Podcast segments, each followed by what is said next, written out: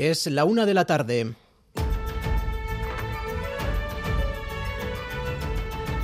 Crónica de Euskadi con Imanol Manterola.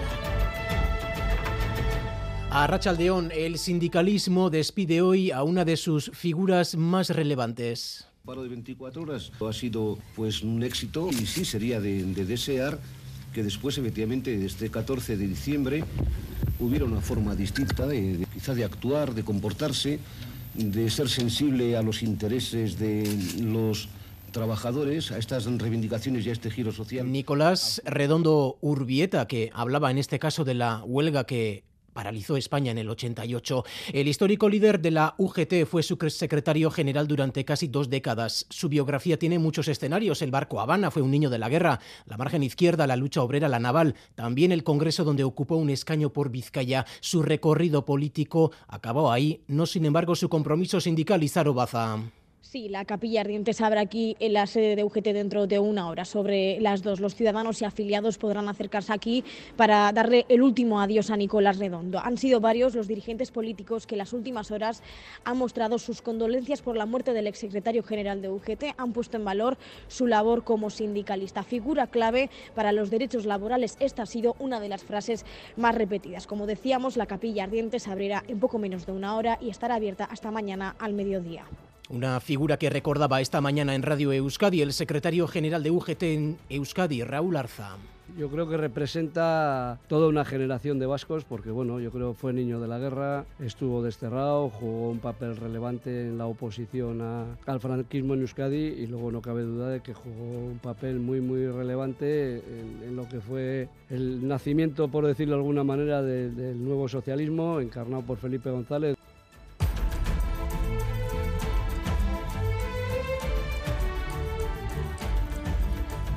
Mientras tanto, el coronavirus vuelve hoy a primera plana por la sucesión de medidas que están adoptando distintos países para intentar que la ola de COVID que está viviendo China en la actualidad no se expanda, porque en cuatro días China abre sus fronteras con el Año Nuevo Chino a finales de enero los desplazamientos de sus ciudadanos se van a multiplicar. La Unión Europea busca coordinarse ante esta situación. Lo decidirán esta tarde, pero a Maya Portugal ya se nos avanzan medidas en el control de viajeros. A las cuatro y media de la tarde se reúne el dispositivo de respuesta política integrada a las crisis, donde los expertos en sanidad e interior de los 27 tratarán de coordinarse para no actuar cada uno por su cuenta ante el aumento inminente de vuelos procedentes de China a partir del domingo que viene. En la reunión previa mantenida ayer, la mayoría de los expertos se mostraron a favor de exigir un test a los viajeros hecho antes de embarcar, medida que apoya también la Comisión Europea.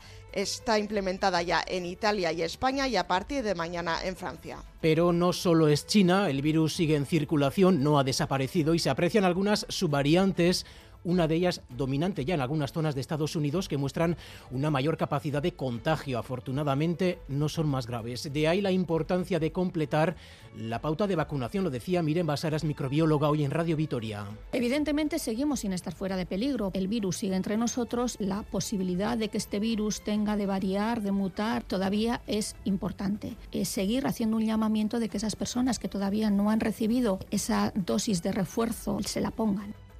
Y atención a la denuncia que prepara la Asociación de Consumidores Facua. Están reuniendo pruebas de comercios que a pesar de la bajada o eliminación del IVA según el producto, no varían sus precios. Habrá denuncia formal Rubén Sánchez Facua esta mañana en Boulevard. Hay un número no despreciable de productos donde no se está cumpliendo la obligación de aplicar la rebaja del IVA, se están presentando precios con importes anteriores falseados, igualando precios que había hace una semana y todas esas prácticas merecen la investigación correspondiente de competencia y en su caso sanción. Y en nuestros pueblos y ciudades, todo preparado ya para acoger mañana las cabalgatas de los Reyes Magos de Oriente. ¡Opa, chiquis! Ya estamos aquí. ¡Qué ilusión tenemos de veros! Eso esperamos en las cabalgatas. Acordaros de coger caramelos con cuidado, ¿vale? ¿Eh? Y de saludarnos. Besos y, y, también esto, a la camita temprano que esperamos estar con vosotros. Y un beso muy gordo para Radio Euskadi. Bueno, cabalgatas que volverán a ser como las de antes, espectaculares y mágicas, Melchor, Gaspar y Baltasar están ya por tanto en Euskal Herria. Esta mañana los hemos visto, les hemos oído ahora sus palabras en el Ayuntamiento de Bilbao, cargados de magia e ilusión. En página cultural, hace 50 años que murió el poeta vasco John Mirande, considerado el autor de la literatura moderna vasca, y la página web de la literatura en euskera de Abruaren Escola acaba de publicar 12 textos, artículos, poemas y cartas del poeta que aún no habían visto la luz. Ha sido fruto de la investigación del escritor Miquel Soto tras un trabajo de dos años. También hay imágenes de la celebración que proclamó al políglota Mirande poeta bardo de Cornualles, en Inglaterra, por su conocimiento del bretón. He leído mucho sobre él y de repente una idea de... Eh, he leído muchas veces que él escribió textos en bretón, pero nunca he leído, he leído todos sus textos y no conozco esos textos en bretón. Y efectivamente así era y me puse a buscarlos. Dije, bueno, primero voy a conseguir los textos, luego ya, ya encontraré cómo. Así que encontré los textos, efectivamente, mediante Sabila Ralde encontré a Padre Han Abask, un bretón encantador y dijo, por supuesto, que quería ayudarnos y, y que los tradujo entonces Vamos ahora con los titulares del deporte. Álvaro Fernández Cadierno, Arrachaldeón. Hola Arrachaldeón, con mucha copa en fútbol. Hoy dos partidos a las 7 en Las Gaunas, en Logroñés en Real Sociedad, a las 9 en Mendizorroza, a la vez Valladolid. En baloncesto, Basconia ganaba ayer en Granada, certificaba así su clasificación para el torneo del CAO, competición a la que quiere acercarse un poquito más hoy Bilbao Basket ganando en Málaga y tenemos cita europea en Maloste, en 16 de final de la Eurocup, lo Guernica, Gorsou de Polonia. Y hoy seguiremos con tiempo soleado, lo que dejará eh, las temperaturas algo más templadas a primera hora de la tarde. El tiempo estable se mantendrá incluso mañana. Un repaso a las temperaturas a esta hora. Tenemos 12 grados en Bilbao y en Donostia, 5 en Gasteiz, 7 grados en Iruña y Bayona registra a esta hora 13 grados. En carreteras un único aviso en Guetaria, en la Guipúzcoa 2633, sentido Iraeta.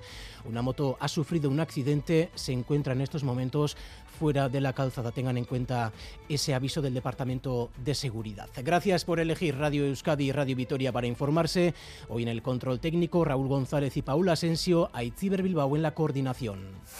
Crónica de Euskadi con Imanol Manterola.